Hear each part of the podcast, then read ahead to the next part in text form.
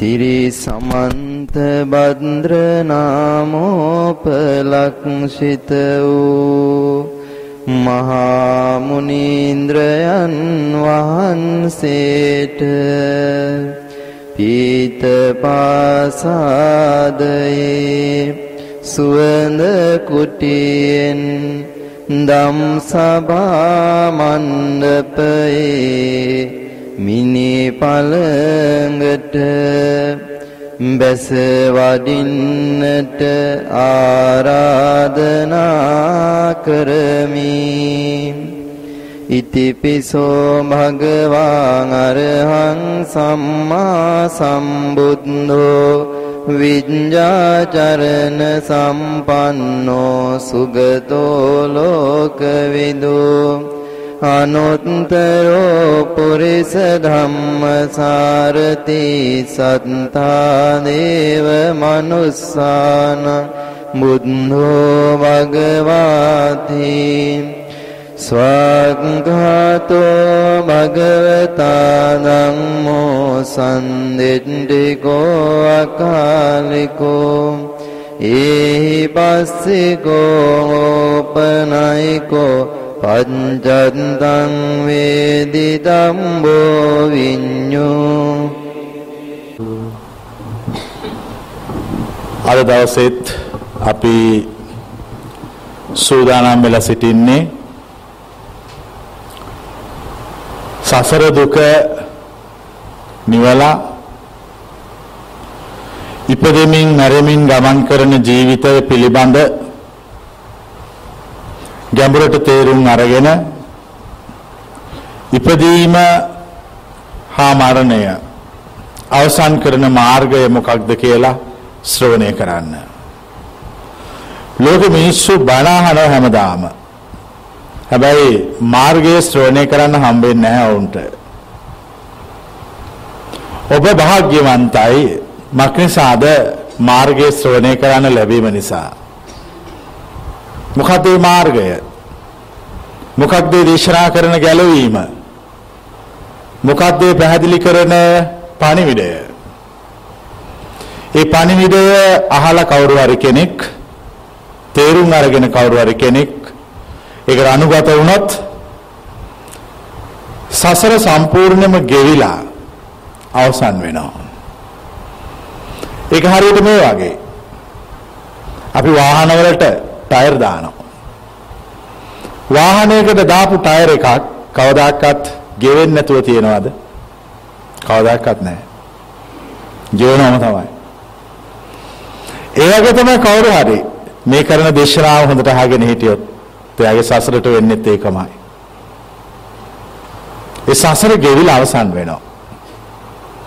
සසර ගෙවන්න බෑ. ගෙවෙන්න දෙන්න ඕන. ගෙවෙන්න දෙන්න ඕන. දැන් අපි කලින් සසර ගෙවන්න හැදුවා. අපි සසර ගෙවෙන ක්‍රමයක් හෙව්වා. එහෙම එකක් ලෝකේ නැහැ. ගෙවෙන ක්‍රමයක් තියෙ. ගෙවෙන ක්‍රමයක් නැහැ. ගෙවලා ඉවර කරන්න බෑ. එච්චර දිගයි. ගෙවිලා ඉවර කරන්න පුළුවන්. අපි පැහැදිලි කරන මාර්ගයේදී අපි කියන්නේ සසර ගෙවන්න බෑ කියලා. ගෙවෙන්න දෙන්න කියලා. අර වාහනයකට රෝදයක් දැම්මා වගේ ඒක ගෙවිලා ඉවර වෙනවා. ඒ වගේ කවුරු හරි කෙනෙක් මේ දේශනා කරන මාර්ගය මේ දේශනා කරන ධහම සිහියෙන් අහන් ඉන්න ඕන.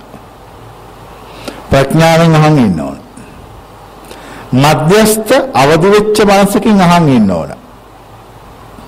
පිළිගැනීමක් නොපිළිගැනීමක් නැතුව නිදහසේ අහන් ඉන්න ඕන. අහගෙන ඉඳලා කල්පනා කරලා බලලා තමන් පිළිබඳ ඇත්ත තේරුම් ගන්න ඕන. මිනිස්සු තමන් පිළිබඳ ඇත්ත තේරුම් ගන්න කැමති නැහැ. තමන් පිළිබඳ යථාර්ථය තේරුම් ගන්න ගියොත් මිනිසෙක් ඔහුට මුලින්ම ඇතිවන්නේ තමන් පිළිබඳ ලැජ්ජාවක්. බයක් හා තැති ගැනීමක්. පිළිගන්න අතුස්ස. කවුරු හරි කෙනෙක් තමා පිළිබඳව දකින්න ඕනේ කියලා පටන් ගත්තොත් ඇත්තටම ඇත්තමද තමා පිළිබඳ යථාර්ථය තමුන්ට තමුන් ගැන ඇති වෙන්නේ ලැජ්ජාවක් බයක් හා තැති ගැනීමක්.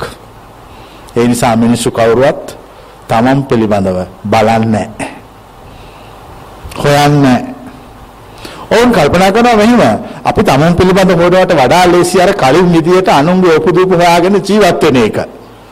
මොකද තමන් පිළිබඳ හොයන්න ගියාම තමන්ගේ ඔක්කොම අඩුපාඩු දෝෂ දර්ශනය වෙන්න පටන් ගන්නවා. තමන්ගේ හර්ධ සාක්ෂිය තමන්ට දොස් කියන්න පටන් ගන්නවා. උඹ මේවා කළා. උඹ මේවා කළා. උඹ මෙහෙම හිටියා මෙහෙම හිටියා. දැන් මට ඕන මේ සියල්ලෙම ගැලවෙන කෙටි ක්‍රමයක්. මේ සියල්ලම නිදහස් වෙන කෙටි මාර්ගයක්.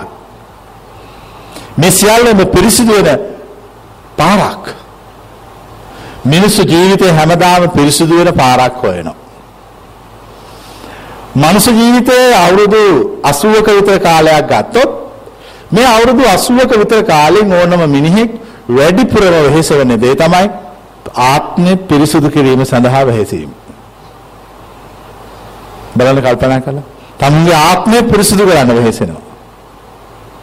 සමාජය තුළ ඉහළ තනතුරු රැකියා සමාජ තත්ත්වයේ තුරුනුත් ඔවුන් බලාපොරොත්තු වෙන්නේ ඉහළට යන්න. මේ ආත්මය උස්ස ගන්න ආත්මය පිරිසිදු කරන්න. භෞතික සම්පත් වලින් තෝන් බලන්නේ ආත්මය පිරිසිදු කරන්න. ඉඩ ලැබිච්ච හැම වෙලාවකම ධර්මයක් ගවේෂණය කළ වුන් බලන්නේ ආත්මය පිරිසිදු කරන්න. හැබැයි වුන් නොකරන දේත් මොකද්ද? ආත්මය පිරිසිදු කිරීම. ඒක කරන්නේ නැහැ කවුරුවත්. මොකද ඒක කරන්න පටන් ගත්තාම තමුන්ට තමුන් පිළිබඳ ලැජ්ජාවක් ඇති වෙනවා, බයක් ඇති වෙනවා, තද ගැනීමක් ඇති වෙනවා. ඉතින් කවුද කැමති? තමුන් ගැන කල්පනා කරලා ලැජ්ජ වෙන්න. කොබලන තමුන් ගැන කල්පනා කරලා ලැජ්ජ වෙන්න කැමති අය. අන්න වුන් මා කියන දේශනාව ශ්‍රවණය කළ යුතුයි. තමුන් ගැන කල්පනා කරලා බය වෙන්න කැමති අය. අන්න වුන් මං කියන දේශනාව ශ්‍රවණය කළ යුතුයි. තමුන් ගැන කල්පනා කරලා තැති ගන්න කැමති අය. මට මේකද වෙන්නේ? මමගේ මරණයද? මම මේකෙන් ගැලවෙන්නේ කොහොමද? මේ මරණයෙන් පස්සේ මං ආයේ උපදින්නේ කොතනද? එතකොට කො මේ ඉපදීමේ මරණේ නිමාවක්? මේ මරණය මං ජයගන්නේ කොහොමද? මේ මරණයෙන් සදාකාලිකව නැගිටින්නේ කොහොමද? මේවා කල්පනා කරන්න ඕන. නැත්තම් ජීවිතේ පශ්චාත්තාප වෙන්න වෙනවා යම් දවසක. මරණ ඉස්සරහා. ඒ පශ්චාත්තාප නොවි සිටින නම් උඹේ මාර්ගයක් තියෙනවා. අන්න ඒක තමයි අපි දන්නේ. මරණයට බය වෙන්නේ නැහැ. මරණයට පැති ගන්නෙත් නැහැ. මරණය ජීවිතේ කොටසක් කියලා හිතලා ඒකත් එක ගිහිල්ලා එකතු වෙනවා. මම මිනිස්සුන්ට කිව්වොත් ඔබේ ජීවිතේ කොටසක් මරණය ඔබ මරණයට බය වෙන්න එපා කියලා. මා කියන වචන පිළිගන්නවද? ඔව් මා කියන වචන ප්‍රතික්ෂේප කරනවද? මරණයට බය වෙන්න එපා. මරණ ජීවිතේ කොටසක්. ඔව් මා කියන වචන ප්‍රතික්ෂේප කරනවා. ඒ උනට ඒක ඇත්ත. ඒ ජීවිතේ කොටසක්. ජීවිතය කියලා කියන්නේ උපත හා මරණය අතර. උපත හා මරණය අතර. ඒකට තමයි ජීවිතය කියලා කියන්නේ. දැන් ඕකෙන් උපත අයින් කළොත් ජීවිතයක් තියනවද? නෑනේ. මරණය අයින් කළොත් නෑනේ. දැන් එනම් ජීවිතය කියන්නේ මොකද්ද? කොහොමද ජීවිතයක් තියෙන අතුස්සන්? අපිට ජීවිතයක් තියෙනවා. අතුස්සන්න. එතකොට ඔහුගේ ජීවිතයේ දෙපැත්තේ සීමා දෙකක් තියෙනවා. මේ මල් දෙක වගේ. මේ තමයි උපත. මේ තමයි මරණය. මේ දෙක අතර කොබලන ජීවිතයේ තියෙන අතුස්ස. ඒනට ඔවුන් අර උපත පිළිගන්නවා. මේ උපත. ඕන් හිතනවා මේම උපතේ ඉඳලා තමයි ජීවිතය තියෙන්නේ කියලා. මේ පැත්ත බලන්න බයයි. ඒ වුණාට මේක මෙතනින් පටන් ගත්තාම මේක මෙතනින් ඉවර වෙනවා. මේ දෙක අතරට අපි කියනවා ජීවිතය කියලා. දැන් ජීවිතයක් තියනවද නැද්ද? ඈ? දැන් ජීවිතයක් තියනවද නැද්ද? දැන් ඇත්තටම ජීවිතය කියලා තියෙන්නේ මොකක් විතරද? ඈ? උපතක මරණයක්. ඔච්චරයි. මේක පිළිගන්න කවුරුත් බයයි මරණය නිසා. මේක දැන් වෙලා ඉවර නිසා බාර ගන්නවා. මේකත් වෙලා ඉවරුනහම ආයෙක එහෙම තමයි. ඒක තමයි හරි කියලා එතකොට කියනවා. වෙනකම් බයයි. මම කියනවා මෙන්න මේක බාර ගන්න කියලා. මේ මරණය බාර ගන්න. මේ මරණයට බය නැති වෙන ක්‍රමයක් ලෝකේ කාගෙන් හරි අහගන්න. ලෝකේ මරණයට බය නැතුව සිටින ක්‍රමයක් අපි දන්නවා. අපි ඒකට යන ක්‍රමයක් දන්නවා. අපි ඒක එක්ක සටන් කරන ක්‍රමයක් දන්නවා. සටන් කළ දින විදියත් අපි දන්නවා. දිනලා නොබිය සිටින විදියත් අපි දන්නවා. ඒ දන්න නිසා ඒ මරණයට අපිට කිසිම බයක් ඇත්තේ නැහැ. ගහකින් කුරුම්බ ගෙඩියක් හරි පොල් ගෙඩියක් ගැලවිලා වැටෙනකොට මිනිස්සු බය වෙන්නේ වැටෙන ගෙඩියටද තමුන්ගේ ජීවිතයට වෙන හානියටද ජීවිතයට වෙන හානිය. ජීවිතයට හානි වෙනකොට ලැබෙන්නේ මොකද්ද ඉස්සරහා? මරණය.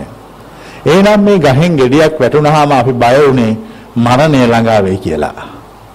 මං අහන්නේ මරණය දිනපු කෙනෙක් මොකක් කරයිද කියලා. මම බය වෙන්නේ නැහැ. බය වෙන්නේ නැහැ. එයා සදාටම ජයග්‍රහණය කළ අවසන්. කොගලන් එහෙම වෙන කැමති අය. ඒකට හැබැයි පණින්න ඕන පින්මක් තියෙනවා. ඔබට නොබිය සිටින අවශ්‍ය නම් මුළු ජීවිත කාලය පුරාම කිසිවෙකුට හා කිසිම දෙයකට ඔබ මුලින්ම සටන් කළ යුතුයි මායя සමග. සටන් කර ජයග්‍රහණය කළ යුතුයි. ඔහු පරාජය කළ යුතුයි. ඔහු පරාජය කළාම කවුරුවත් කාටවත් කිසි වෙලාවක කිසි තැනක බය වෙන්න ඕනේ නැහැ. එයා බය දුරු කළ උතුමෙක්. යුද්ධයක් දිනුවහම වීරයෙක්. මාර යුද්ධයේ දිනුවහම මහා වීරයෙක්. මාර යුද්ධයේ දිනපු කෙනාට කියන්නේ මහා වීරයන් වහන්සේ. මාර යුද්ධයේ ජයග්‍රහණය කළා. ඔහුට කිසි බයක් නැහැ. කිසිවෙකුට හා කිසිම දෙයකට හා කිසිම තැනක. ඔහු බය දිනාගත් කෙනෙක්. එතකොට මේ ප්‍රශ්න සියල්ල අවසන්. එතකොට ගැලවිලා ඉවරයි. පිරිසුදු වෙලා අවසන්. ඔහුට අපිරිසිදු වෙන තැනක් ඔහුගේ ජීවිතයේ අර උපතහා මරණය අතර සීමාවේ කොහොමවත් නැහැ. මායාවෙන් පිරිසුදු වෙලා. මායාවෙන් පිරිසුදු වුණායින් පස්සේ ඔහු අපිරිසිදු කරන්න කාටවත් බෑ. මිනිස්සු කරන්නේ මායාවෙන් පිරිසුදු වෙන්නේ නැතුව අනිත් ඔක්කොගෙම පිරිසුදු වෙනවා. ඔව් අපිරිසිදුයි. මම කියනවා මේ එකකින්වත් පිරිසිදු වෙන්න එපා. වැඩක් නැහැ. වාත්තවලා දාන්න මායාවෙන් පිරිසිදු වෙන්න කියලා. එයාගෙන් පිරිසිදු නැන් පස්සේ එයා පරාජයටපත් කරන් පස්සේ එයාව මර්ධනය කරන් පස්සේ ඔබ පිරිසිදුයි. මොනතරම් අපිරිසිදු ජීවත් වුණත් ඔබ පාරිශුද්ධයි. මක්නිසාද ඔබ පිරිසිදු වේ යුතු තැනින් පිරිසිදු වූ නිසා. ඔච්චරයි. මිනිස්සු එතෙන්ට එන්නේ නැහැ. ඔතෙන් එන්න බෑ. ඔතෙන් එන්න බය වෙන්න හේතුව ඔතෙන්ට එන්න මායාවෙන් පිරිසුදු වෙන්න අවශ්‍ය නම් තමන්ගේ ජීවිතය පිළිබඳ මධ්‍යස්තව දැකිය යුතුයි. තමුන් තමන්ගේ ජීවිතය පිළිබඳ කලකිරෙන්න ඕන. පශ්චාත්තාප වෙන්න ඕන. පෞගේ ජීවිතේ කරපු දේවල් කියපු දේවල් වෙච්ච දේවල් දැන දැකලා කලකිරිලා ඒවයින් පාඩම් ඉගෙනගෙන ජීවිතය අලුත් කරගන්න ඕන. මිනිස්සු ඒකට ලෑස්ති නැහැ. කෙටියෙන් කිව්වොත් මිනිස්සු සසර දුක නිවන්නේ නැහැ. බයයි. සසර දුක නිවන්නේ නැතුව සසරට වැටලා ජීවත් වෙනවා. ඒ සසරට වැටීම තුළ උන්ට කිසි රසයක්වත් ඒක නැහැ. උන්ට තියෙන විලාවක්, අසහනයක්, දුගතියක් හා සාපයක් හා පාපයක්. ඒක තුළ විතරයි උන් ජීවත් වෙන්නේ. ඉපදීමත් මරණයත් අතර දහසකුත් දේවල් වලට මුහුණ දෙනවා. ඒත් හිතන්නේ මේක අවසන් කරන්න ඕන කියලා. මේක අවසන් කරන්න පුළුවන්. මේක ජයග්‍රහණයකින් කෙලවර කරන්නත් පුළුවන්. මේ මාර්ග යුද්ධය දිනන්න පුළුවන්. ඒකට අවශ්‍ය හොඳ මඟ පෙන්වීමක් විතරයි. හැබැයි මතක තියාගන්න. ගුරුවරයෙක් නැතුව කිසි කෙනෙකුට කිසි දවසක ඒ යුද්ධය දිනන්න දෙන්නේ නැහැ. ඒක දිනන්න දෙන්නේ නැහැ. වෙන ඕන එකක් දිනන්න පුළුවන්. ඒක දිනන්න දෙන්නේ නැහැ. ගුරුවරයෙක් කුගේ උපදෙස් ගත්තොත් ඒ කියන දේ කරන්න පුළුවන්. ඒ කියන හරි දේ කළා සසර දුක නිවලා අමා නිවනටපත් වෙන්න පුළුවන්. මිනිස්සු නිවන් දකින්න ප්‍රාර්ථනා කරනවා හැබැයි දකින්නේ නැහැ. මිනිස්සු සසර දුක නිවන්නත් ප්‍රාර්ථනා කරනවා හැබැයි නම් ප්‍රාර්ථනා කරනව පමණයි. ගෙවන්නේ නැහැ සසර. ඒ තුල ජීවත් වෙනවා. දිග සසරක් අපිට ඉපදි ඉපදි මරි මරි ගමන් කරන. දැන් මං කියන්නේ මේක ඉවර කරන්න කියලා. මේ ඉපදෙමින් මැරෙමින් විඩාවටපත් වෙමින් දුක් විඳින්මින් ගමන් කරන ජීවිතය නවත්තවලා දාන්න. ඒ නවත්තන ක්‍රමයක් පහළ වෙලා ලෝකෙට. ඒ ක්‍රමය මොකක්ද කියලා මධ්‍යස්ථව ගවේෂණය කරලා බලන්න. බලලා තීරණය කරන්න. ආයි කරන්නේ දැන් ඔන්න මධ්‍යස්ථව ගවේෂණය කළා. තීරණයක් කළා ක්‍රමෙත් හරි කිව්වා ගමන් නොකර සිටියා. මිනිස්සු හැමදාම ජීවිතේ කොතනකින් හරි වරද්ද ගන්නවා. ඒ වරද්ද ගන්න හේතුව ඔවුන්ගේ නූගත්කම හා සාපය. ක්‍රමෙත් හරි කිව්වා. ඒක තමයි කෝ මාර්ගය වෙන මාර්ගයකින් මේක කරන්න බෑ කිව්වා. ඒ වුණාට ඒ මාර්ගය යා ගියේ නැහැ. කවුරු හරි කෙනෙක් මම මේ දේශනා කරන මාර්ගය අවංකව කරන්න පටන් ගත්තොත් මේ කියන දේවල් ටයර් එකක් ගෙවෙන වගේ ගෙවෙනවා. සසර ගෙවිලා ගෙවිලා ගෙවිලා ගෙවිලා අන්තිමට මොනවද මතුවෙන්න පටන් ගන්නෙ? අර නූල් නූල් මතුවෙන්න පටන් ගන්නවා. තවත් ගෙවිලා ඊට පස්සේ පැච් එකක් ගිහිල්ලා නවතිනවා. මං කියපේක තේරුණාද? වාහනයකට ටයර් එකක් දැම්මා මේක කරකැවෙනකොට ගෙවෙනවා. ගෙවිලා ගෙවිලා ගෙවිලා ගෙවිලා නූල් මතුවෙනවා. තව මෙහෙම කරකැවෙනකොට අර වාහනේ ටියුබ් එක මතුවෙලා පැච් එකක් ගිහිල්ලා ඒක නවතිනවා වගේ මේ මිනිස්යාගේ සසර නවත්තන දහමක් තියෙනවා. ඒ දහම තමයි නිර්වාණ මාර්ගය. හරියට ඒක අහන්න ඕන. ඒක හරි අමුතුයි. ඒක සම්ප්‍රදාය නැහැ. ඒක පොතපතෙත් නැහැ. කිසිම තැනක නැහැ ඒක. ඒක පහළ වෙන්නේ මිනිස්සුන්ගේ සිත්වල. මනුස්ස సంతානයක පහළ වෙන්නේ. මනුස්ස සිතක පහළ වෙන්නේ. ස්වභාවයෙන් මිනිස්සයා අපිරිසිදුයි. ඒ වුණාට කාගේ හරි සිතකේ දහම පහළ වුණොත් ඔහු කවරෙක් වෙනවද? ඔහු පාරිශුද්ධ කෙනෙක් වෙනවා. හොඳට මතක තියාගන්න. ගෙම්බෙක් හිටියා වලක. මේ ගෙම්බට ලියුම් එන්නේ හැමදාම වල කියලා. මේ වලේ දවසක් පිපුණා නෙළුම් මලක්. එදා ඉඳලා ගෙම්බට ලියුම් එන්නේ විල කියලා. අන්න ඒ වගේ අර දහම යම් තැනක පහළ වුණොත් වල මොකක් වෙනවද? වල විල වෙනවා. දැන් ඔය මඩවලවල් විල් බවට පත් කරගන්න අවස්ථාව උදා වෙලා තියෙන්නේ.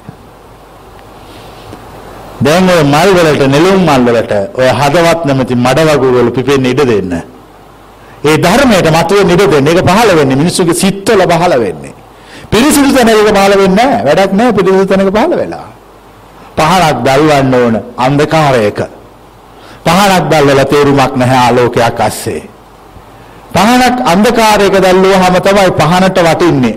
වටිනකමක් ලැබෙන්නේ. ඒ පහන නිසා වටපිටාවේ ඉන්න අයට වටිනකමක් ලැබෙනවා. අන්න ඒ වගේ තමයි කාට හරි පුළුවන් නම් මා මේ දේශනා කරන ධර්මය තමුන්ගේ මෝහාන්ධකාරය නැමැති අන්ධකාරය තුල ගිහිලා පත්තු කරන්න පහනක් ලෙස. ඔවුන්ගේ සිත් පාරිශුද්ධත්වයට පත් වෙනවා. ඔවුන්ගේ සිත් නිවිලා යනවා. ඔවුන්ගේ සිත් ආය සදා කාලටම දල්වන්න බැරි තත්ත්වයට පත් වෙලා අවබෝධයට පත් වෙලා සසර දුක නිවිලා ඉවර වෙනවා.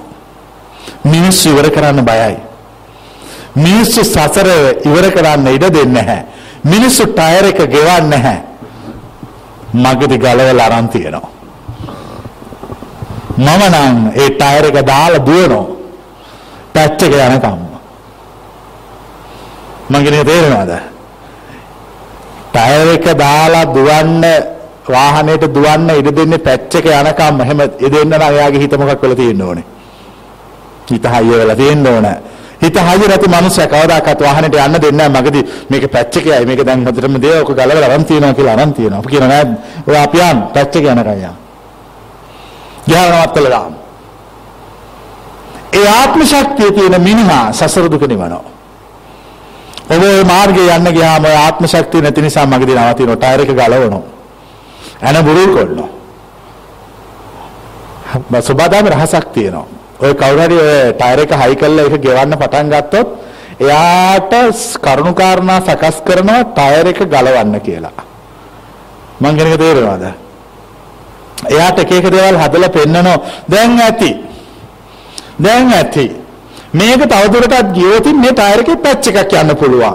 ඒ නිසා කරුණා කරලා මේ ගලවනවා දැන් මේ නට් ටික. ගලවලා අරන් තියනවා මේ ටයර් එක පැත්තකින්. කියලා සබදාහම නියෝග කරනවා. ඇයි එහෙම නියෝග කරන්නේ?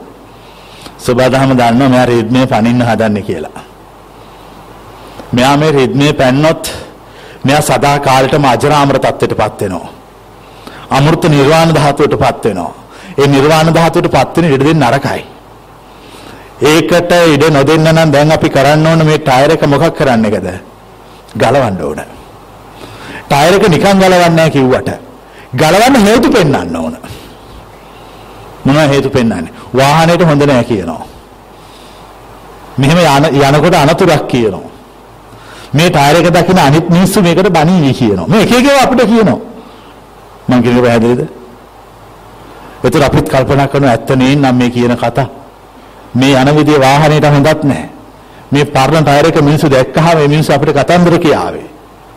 මේ ටයර් එක දාගෙන ගියාම අනතුරක් වෙන්න පුළුවන්. ඔහොම එක එක දේවල් අපිට කියනවා. කියලා කියන විතරක් නෙමෙයි අපේ අතට ස්ක්‍රූප් මිනිකුත් ගණන දෙනවා.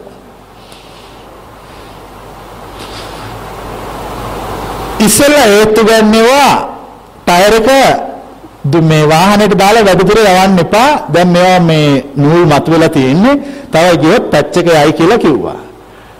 ඒක හිතට දැම්මා. දාලි වල නැවතුනේ නැහැ. අතර ස්ක්‍රූප් නියනක් කියලා දීලකෝ දැන් ඔන්න ඔහෙට මං ස්ක්‍රූප් නියනනේ අඩු මං ඔන්න ඒකත් අරගෙන ආව මෙන්න ඒක. හැබැයි ස්ක්‍රූප් නියන දෙනවා විතරයි. එයා ගලවන්නේ නැහැ ඇවිල්ලා. එයාට ගලවන්න හිතියක් නැහැ ඒක. එයාට පුළුවන් අපි එතෙන්ට එත්තු ගන්නන්න විතරයි. ඔබේ සසර නවත්තනවද දිගට ධාවනය කරනවද කියන එක ඔබට අයිති. ඒකට සබාධම කරන්නේ ධාවනය කරන්න උදව් කරන එක. මම කරන්නේ සබාධම ධාවනය කරන්න උදව් කරනකොට ඒ ධාවනය කරන උදව් කරන සබාධම ගිහිල්ලා විනාශ කරන එක. මං කියන එක තේරෙනවද? මං එතෙන්ට පැනලා අර සබාධමට විනාශ කරලා ඉස්කෘප් නියන නවල කඩනවා. කඩලා අයිතිකාරයට කියනවා යමම් පැච් එක යනකම් කියලා. ඒතර අයිතිකාරයා මට බයයි. සැර නිසා. ඒතර කෙනෙක් කියනවා නම් යමු කියලා යනවා. කොහොමත් අතරමඟදී පැච් එක යවනවා.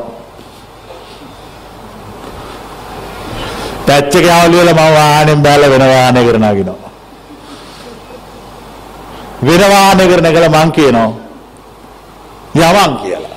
එතකොට එමිණියා මගේ දිහා බලලා කියනවා මේ මොකෙද යකෝ මේක අපේ කර නැගේ කියලා. ඒතර යනවා. යනකොට මගදී මොකද්ද කරන්නේ? පැච් එක යවනවා. යවලා මං ආයෙ ඒකෙන් බහිනවා. බහලා යානේ කතා කරලා ළඟට ගියා යමන් කියලා. ඒතර යනවා. මං දන්නවා දැන් මගදී පැච් එකේ අර විත්තිය. පැච් එක කියලා මට දොර ඇරලා බහින්න ඕනේ කියලා බහිනවා. මං වාහනවල පැච් යවනවා. ටයර් ගෙවනවා. දුර යන්නේක හෙමින් යන්න හදන එක මොකද්ද කරන්නේ? හෙමින් යන්න ඕනේ 40ට 60ට බෑ යමන් 120ට කියනවා. 120ට කියලා යවලා ඉක්මනින් අවසන් කරනවා. මොකද්ද? සසර ගමන. සසර ගමන අවසන් කරනවා. ඒතකොට බොහොම ලස්සනට වාහන තියාගෙන ටයර් වලින් වැඩි ගමන් යන්නේ නැතුව ටයර් හොඳට සුද්ධ කරගෙන බොහෝම පරිස්සමට යා වාහන එලවන මිනිස්සු මම ඇවිල්ලා නැග්ගහම මොකද්ද වෙන්නේ? ඈ? බනිනවා. අපේ වාහන ඉවරයි. බෑන්නට මම බය නැහැ. මං කියනවා 100ට යන් 120ට යන් 160ට යන් 200ට යන් කියලා. මං කිව්වහම යන්න වෙනවා. හැබැයි වැඩිදුර යන්නේ මගදී පැච් එකක් යනවා. සමහර ඉන්නවා මෙහෙම. මෙයාට අහුවෙන්නේ නැති වෙන්න හිමින් යන්න ඕන කියලා යනවා. ඒතකොට එයාගේ වාහනේට තමයි මුලින්ම වෙලා මම නැගලා වාඩි වෙලා ඉන්නේ. වාඩිලා පිටිපස්සෙන් තල්ලු කරලා කියනවා මේ පොඩ්ඩක් වේගය වැඩි කරනවා ඕයි කියලා. මං කියව තේරුණාද? ඒතර එයා බලන මම මෙයා නගීවි කියලා තමයි මේ පැත්තෙන් හොරපාරෙන් ආවේ මෙන්න මටත් හොර ආවිල්ලා මගේ වාහනේ නැගලා. ඒ තමයි මම. හැමෝගේ වාහන වල පැච්චවනවා. කාගේවත් වාහන දිගට ධාවනය වෙන්න දෙන්නේ නැහැ. හොඳින් බැරි නම් නරකින්. යහපතින් බැරි නම් යුක්තියෙන් බැරි නම් අයුක්තියෙන් ධර්මයෙන් බැරි නම් අධර්මයෙන් අධර්මයෙන් ධර්මයේ කියනවා. ධර්මයෙන් ධර්මයේ කියනවා. මට දෙවිදියකට අවසර තියෙනවා සබා දහම තුල ධර්මය කියන්න. ධර්මයෙන් ධර්මය කියන්නත් අධර්මයෙන් ධර්මය කියන්නත්. මොකද අධර්මයෙන් ධර්මය කියනවා කිව්වේ? මිනිසුන්ගේ පෞද්ගලිකත්වයට බලෙන් කඩාපනිනවා. උන්ගේ වාහනවල දොරවල් බරෙන් ඇවිල්ලා අරිනවා. ඇවිල්ලා බලෙන් ඇවිල්ලා වාඩි වෙනවා. සත්‍ය අවබෝධ කළ මුනිවරයෙකුට ඕනෑම කෙනෙකුගේ පෞද්ගලිකත්වයට බසින්න සබදාම අවසර දීලා තියෙන්නේ. ගෞතම බුදුහාමුදුරුවෝ අලව්‍යකුගේ භවනට අහලා ගියාද නාහා ගියාද? අහන්න නැතුව ගිහලා වාඩි වුණා. ඔහුට අවසර තියෙන ඕනම කෙනෙකුගේ තැනකට ගිහිල්ලා අහන්න නැතුව ඉඳ ගන්න. ඕන දෙයක් කරන්න ඔහුට අවසර සබදාම දීලා තියෙන ඔහු අවසරය ගන්නවා. ඒ ගන්න පුද්ගලයා පිරිසුදු කරන්න අවශ්‍ය වුණාම ඒ නිසා මතක තියාගන්න. ඔයාලගේ ජීවිතවලට මං අහන්න නැතුව ඇවිල්ලා රිංගනවා. පෞද්ගලිකත්වයට අහන්න නැතුව ඇවිල්ලා ඇඟිලි ගහනවා. ඒවා කඩලා විනාශ කරලා විසිරුවා හරිනවා. ජීවිත නැමැති වාහනයට බලෙන් ඇවිල්ලා නගිනවා. සමහරට නොකියම ඇවිල්ලා වාහනේ දොර අරගෙන ඇවිල්ලා වාඩි වෙලා ඉන්නවා. අර මල පෙරේතෝ ඉන්නේ හිටිය ගම. දැකලා නැහැ හොල්මන් කතාවල. වාහනේ ලෝකේම හොල්මන මොකද්ද කරන්නේ? පිටිපස්සේ ගෑවිලා පිටිපස්සේ වාඩි වෙලා ඉන්නවා. ආන්නේ වගේ මාත් පිටිපස්සෙන් වාඩි වෙලා ඉන්නවා ඇවිල්ලා. යනකොට එකට ඇවිදගෙන යනවා. හිටගෙන ඉන්නකොට මම පිටිපස්සෙන් ඇවිල්ලා හිටගෙන ඉන්නවා. නිදා ගන්නකොට මම ළඟින් ඇවිල්ලා නිදා ගන්නවා. යම් කිසි කෙනෙක් මා කියපු වචන ඇහුවොත් උන් කිසිවෙකුට මගෙන් ගැලවීමක් නැත. හරියට මොකෙක් බඳගත්තා වගේද? ඔව්. ගච්ඡන්තං වා අනුගච්ඡේය තිතං වා උපතිත්තේය නිසින්නං වා උපනිසීදේය නිපන්නං වා උපනිපජ්ජේය. ගච්ඡන්තං වා අනුගච්ඡේය. ඇවිදිනකොට පස්සෙන් ඇවිදගෙන එනවා. තිතං වා උපතිත්තේය සිටගෙන ඉන්නකොට පිටිපස්සෙන් ඇවිල්ලා හිටගෙන ඉන්නවා නිසින්නං වා උපනිසීදේය වාඩි වෙලා ඉන්නකොට පිටිපස්සෙන් ඇවිල්ලා වාඩි වෙලා ඉන්නවා නිපන්නං වා උපනිපජ්ජය සතර ඉරියව් පවත්වනකොට සතර ඉරියව්ව ඒ විදිහට පවත්වනවා. දැන් මං අහන්නේ මගෙන් ගැලවීමක් තියනවද කියලා. නැහැ. ඒ මං ඔබට ගැලවීමක් දෙන්නේ නැත්තේ මොකක් කරලා අවසන් කරන කන්ද? අර පැච් එක යනකම්. පැච් එකක් ගිහිල්ලා ඉවරුණායින් පස්සේ ටයර් එකකින් වැඩක් නැහැ.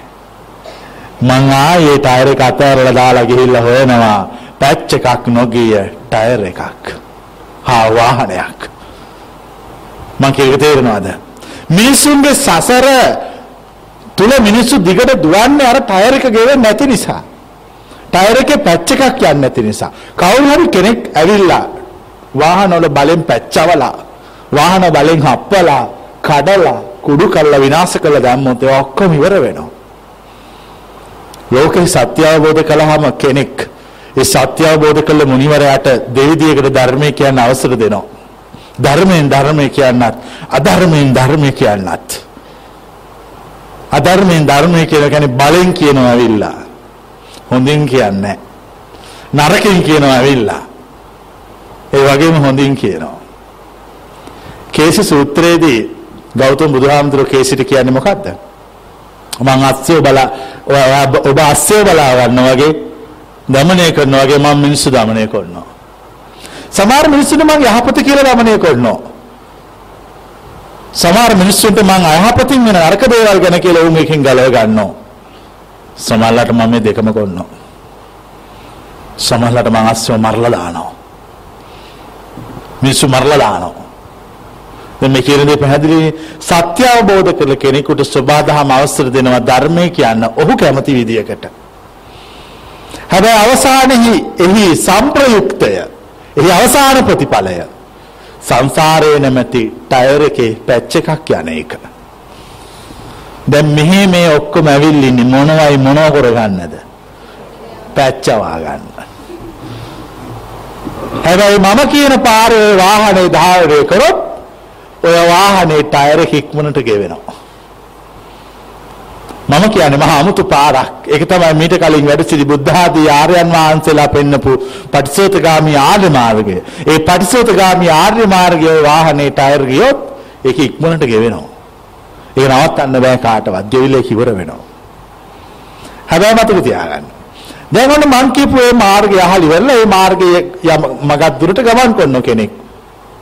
ගමන් කරනකොට එයාට තේරෙනවා මෙහෙම මේ කියන එක කළොත් මේ මාර්ගයේ දිගට අහගෙන අහගෙන අහගෙන අහගෙන ගියොත් අපිට අපි නැති වෙලා යනවා. දැන් මම මුන්වහන්සේ කියන එක අහන එක නවත්තන්න ඕන. අහන එක නවත්තන්න පටන් ගත්ත ගමන් ගච්ඡන් තංවා අනුගච්ඡේය තිතංවා උපතිට්ඨේය නිසින්නංවා උපනිසීදේය නිපන්නංවා උපනිපජ්ජේය. ඊටත් වඩා ශ්‍රවණීය වෙනවා. මිනිහෙක් සසර පින් කළා තියෙනම් මේක අහන්න. මිනිහෙක් පාරමී පුරලා තියෙනම් පාරමී පුරලා තියෙනම් පින් කළා තියෙනම් යාට මේ පණවිඩෙන් ගැලවෙන්න බෑ. එයාට මෙතනින් එහාට ජීවිතේකුත් පේන්නේ නැහැ ශ්‍රවණය කරයින් පස්සේ එයා පාරමී පුරලා තියෙන කොච්චර කාලයක්ද? අවමේ කල්ප ලක්ෂ අසංකේය එකක්. ඒ තමයි රහත් බව සඳහා අවශ්‍ය කරන පාරමිතා කාලය. එච්චර එයා සසර මේ පණිවිඩයම පුරුදු කර කර පුරුදු කර කර ඇවිල්ලා තියෙනවා එයා වෙන කිසි දෙයක් කරන්නේ සියල්ල අතහැර දානවා. කියනවා මම මේක තමයි හෙව්වේ. මම මේ ක්‍රමය තමයි මේ උපන් දා ඉඳන් ගවේෂණය කර කර ගියේ මට දැන් ඒක ඇහුණා. මං සියල්ල තේරුම් ගත්ත ජීවිතය කියන්නේ මොකක්ද? එහි යථාර්ථය මොකක්ද? මොකද්ද සසර කියන්නේ? මොකද්ද මරණය කියන්නේ? මොකද්ද උප්පත්තිය කියන්නේ? මං මේ සියල්ල දැනගත්තා. මම තේරුම් ගත්තා මං අද ඉඳලා යන්න ඕන පාර මං ඒ පාරේ යනවා කියලා වුන් යන්න පටන් ගන්නවා. වුන් යනවා විතරක් නෙවෙයි වුන් පාරිශුද්ධත්වයට පත් වෙනවා. ඒ පාරිශුද්ධත්වයට පත් වෙලා වුන්ගේ සසර දුක නිවා ගන්නවා. නිවාගෙන ඒ උතුම් අවබෝධයට පත් වෙනවා. ඉවරයි. ඕක තමයි වෙන්න ඕන දේ. ඕක කරගන්න තමයි මේ දේශනාව අහන්නෙත්. එනකොට මතක තියාගන්න. මගදී අර පාරේ යනකොට සුබාදහම ඇවිල්ලා කියනවා දැන් ඇති. දැන් ওই ටයර් එක ගෙවෙයි. මෙන්න ස්ක්‍රූප් නියරක්. ඕක යන්න ඇන ටික මේ පැත්තට බුරුල් කරන්න. බුරුල් කරලා ටයර් එක ගලවලා තියන්න කියලා. එතකොට කෙනෙකුට හිතෙන්න පුළුවන් මේ කියන කතාව හරිනේ. එයා මට යහපතක් කරන්න ලෑස්ති වෙන්නේ කියලා. ටයර් එක ගැලවුවොත් ගමන මොකද්ද වෙන්නේ? ගමන නවතිනවා. ගමන නැවතිච්ච බව මේ මෝඩයා දන්නේ ටයර් එක ගලවලා ඉවර වුණාම. එතකොට ටයර් එක ගලවලා ඉවරනකොට සබාදහම කියනවා මගේ ඉස්කුරු පුණියන මට දීපන් කියලා. එයා ඉස්කුරු පුණියන යනවා. ඊට පස්සේ අරයා කල්පනා කරනවා එපා වෙන ජීවිතයක්. මගේ ගමන සබාදහම ස්කුරුප්පුනියනක් දීලා නැවැත්තුවා. මං ආයි ටයර් එක දාගෙන යන්න ඕන. ටයර් එක දාගෙන ස්කුරුප්පුනියන හොයනකොට මතක් වෙනවා ආය එක අරන් ගියා. මං අහන්නේ යා දැන් සසර මොකක් වෙලාද කියලා. ඈ සසර අතරමං වෙලා. අතරමං වුණාද අතරමං කෙරුවාද? අතරමං කෙරුවා. සසර අතරමං වෙන්න එපා. සසර අතරමං වෙන්න එපා. ඔබගේ අන්තිම වෙලාවේදී සබාදහම ඔබ පරීක්ෂා කරනවා. ඒ පරීක්ෂා කරන විදිහ හරිම අමුතුයි.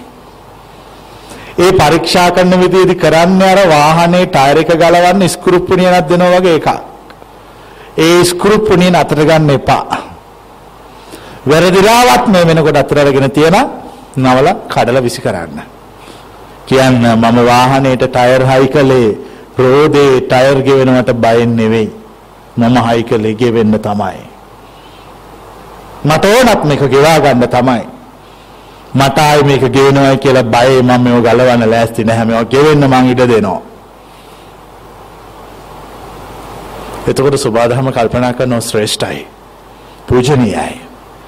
මගේ මායාවට අහු නැහැ. දැන් මම ඔහුට নমස්කාර කරන්න ඕන. අන්නේ වෙලාවේ ඔහුට මුනිවරයෙක් කියලා নমස්කාර කරනවා. මම කියන්නේ තේරෙනවද? එතක নমස්කාර කරන්නේ සබදාගමන කොච්චර ඒ කියන මාර්ගයේ ගියත් අන්තිමට මම දෙන ස්කූප් පුණිය නතර ගන්නවා. ඔය කියන ඔය කියන ආර්ය මාර්ගයේ ධාවනය කළත් මේ වාහනය මේකේ ටයර් එක ගෙවෙනකොට බය වෙනවා. මේකේ අර නූල් මතුවෙනකොට බය වෙනවා. බයල් වෙලා මම දීපු ස්ක්‍රූප්පනේ අරගෙන මේක ගලවනවා. මේ ගලවලා ගමන නවත්ත ගන්නවා. ඒ ගමන නවත්තනකන් මම මෙයාට নমස්කාර කරන්න ඕනේ නැහැ, ගෞරව දක්වන්න ඕනේ නැහැ. මා පස්සෙම යනවා. ඔහු මට নমස්කාර කරයිද මා ඔහුට নমස්කාර කරන්න ඕනද කියලා බලා ගන්න. ඒ බලන්න තමයි අන්තිම වෙලාවේ පරීක්ෂා කරන ස්ක්‍රූප්පනියනක් දෙනවා. මේ කීපක තේරුණාද? ඒ කියන්නේ මේ සෝබාධම ස්ක්‍රූප්පනියනක් දෙනවද නැහැ. ඒ කියන්නේ හදන දේ තේරුම්. නිවන් මඟ නවත්තන්න වෑයම් කරනවා. ඒ වෑයම් කරනකොට ඒකට පෙන්නන සාක්ෂි හරි අමුතුයි.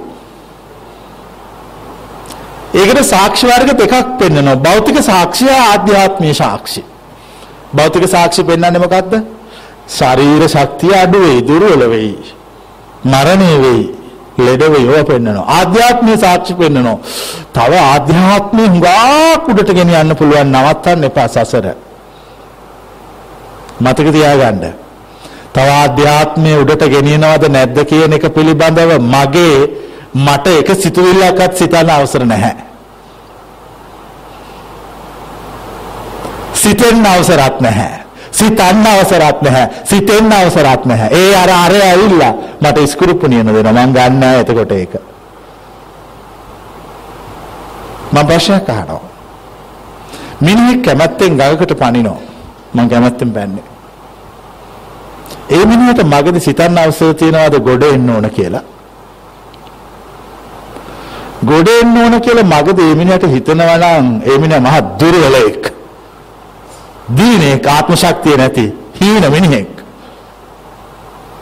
තමගේ හදවතට වංචා කරන්නෙක්. මුලින් මම පයින්නවා කියලා පැන්නා. මගදී පීරගෙන ගිහිල්ලා නෑ ගොඩ වෙනකද ගොඩ ගියා. නැත්තම් පැන ඉන්න ඕන. පැන්නා නම් දිගට යන්න ඕන. මං කියන එක තේරෙනවද? ඔබගේ සිත පිළිබඳව ආධ්‍යාත්මීය ගමන පිළිබඳව ඔබට තීන්දුව తీරන ගන්න බෑ. ඒක සබාධම් තියෙන එක. ඒක අපිට හිතන්නත් බෑ හිතෙන්නත් බෑ. ඒ සියල්ල අතහැර දාන්න ඕන. ස්කෘප්පුණියන් අතට ගන්න එපා. සසර ගමන අවසන් කරන්න වෑයම් කරන්න. කෙනෙක් මේ දේශනාව දිගින් දිගට දිගින් දිගට වසර ගණනාවක් වේවා අවුරුදු 5ක් 6ක් 7ක් දිගින් දිගට වෙන කිසි දෙයක් අහන්න නැතුව මේක අහගෙන හිටියොත් ඔවුන්ගේ ටයර් ගෙවෙනවා. නූල් වතු වෙනවා. පැච් එකක් යනවා. ඒ කියන්නේ උන් පිරිසිදු වෙනවා. ඒ පිරිසිදු වෙන්නේ හාත්පසින් වෙනස් විදියකට. ඒ පිරිසිදු වෙන විදිය හරි අමුතුයි. මණික් වටිනවයි කියන අය අතුස්සන්. අතුස්සන්. මණික් නිල් මණිකක් හරි වටිනවා. ගොඩක් වටිනවා. ඊට පස්සේ මං කියනවා හරි ඉතින් නිල් මණික් ගොඩක් වටිනවනේ. මේ වටින නිල් මණික් එහෙනම් වටින තැනක ඇත්තේ. මේ මල් වට්ටිය උස්සලා අවුස්සලා බලනවා මේක ඇතුලේ නිල් මණික් තියනවද කියලා. කොබලන් ඇවිල්ලා මේක අවුස්සලා බලන අය අතුස්සන්න. මේක අවුස්සලා වැඩක් නැහැ. ඒතර යා කියනවා නිල් මණික් වටින බව ඇත්ත. ඒ වුණාට තමුන්නාංශ මල් වට්ටිය අවුස්සන්නකොට මම මල් වට්ටිය අවුස්සන්නේ නැතුව මම වාඩි වෙලා හිටපු වැලි ගොඩ අවුස්සන ඊට වඩා හොඳයි ඒක. මං කියපුව තේරුණාද? ඒ කියන්නේ නිල්මණිකක් තියෙන අවස්ථාව තියෙන්නේ මල් වට්ටියක මුදුනේද? තමු වාඩි වෙලා ඉන්න වැලි ගොඩ යටද? මහා ලෝකෙ හරි 아무තු වෙන්නේ. ලෝකෙ වැඩිම වටින දේවල් තියෙන්නේ කොහෙද? කිසිම වටිනකමක් නැති තැනක. ලෝකෙ වැඩිම වටින දේවල් තියෙන්නේ කිසිම වටිනකමක් නැති තැනක. ලෝකෙ වැඩියෙන්ම වටින දේ තියෙන්නේ කොහෙද එහෙනම්? කිසිම වටිනකමක් නැති තැනක. මේ කියන එක තේරෙනවද? ලෝකේ තියෙන වැඩිපුරම වටිනාම දේ තියෙන්න ඕන කිසිම වටිනකමක් නැති තැනක. යම් දෙයකින් ලෝකේ තියෙන වැඩිපුරම වටිනා දේ වැඩිපුරම වටින තැනක තියලා තිබ්බොත් ඒක තමයි නොවටිනා දේ. මම දැන් ප්‍රශ්නයක් අහනවා. ලෝකේ සත්‍ය අවබෝධ කරලා ඉන්නේ අය ඉන්නේ කොහෙද කියලා? කිසිම වටිනාකමක් නැති මිනිසුන් අතර. මං කියන එක තේරෙනවනේ. කිසිම වටිනාකමක් නැති මිනිසුන් අතර. ඔබට බුදුවරු සොයන්න අවශ්‍ය නම් ඔබ යන්න පිස්සන් කොටුවට.